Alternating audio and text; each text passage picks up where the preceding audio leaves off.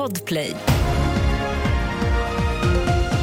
Här är TV4-nyheterna. Flera skott har avlossats mot en lägenhet i Malmö nu under morgonen. En person befann sig i bostaden, rapporterar Sydsvenskan, men enligt polisen har ingen person skadats fysiskt.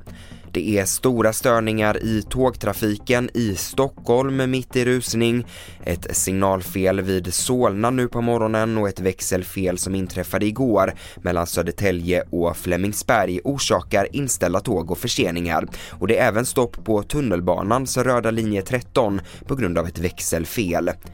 Sverigebilden i Mellanöstern och Asien har försämrats. Det visar en rapport från Svenska institutet. I Saudiarabien och Iran är nu var femte person negativt inställd till Sverige. I grunden är bilden av Sverige omvärlden, i den mån omvärlden har en bild av Sverige, så är den väldigt stabil och trygg och positiv. Och det får vi vara glada för. Men under det senaste året har det ju skett en liten knäck med tanke på koranbränningar och eller påverkanskampanjer mot vårt land och så vidare. Och det, det ser vi i vissa länder, framför allt muslimska länder. Det sa Madeleine Sjöstedt, generaldirektör på Svenska institutet. Fler nyheter på tv4.se i studion August Håkansson.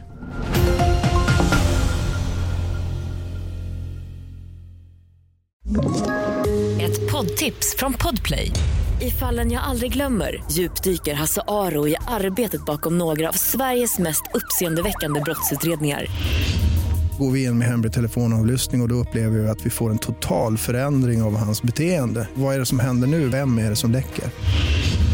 Och så säger han att jag är kriminell, jag har varit kriminell i hela mitt liv men att mörda ett barn, där går min gräns. Nya säsongen av Fallen jag aldrig glömmer på Podplay.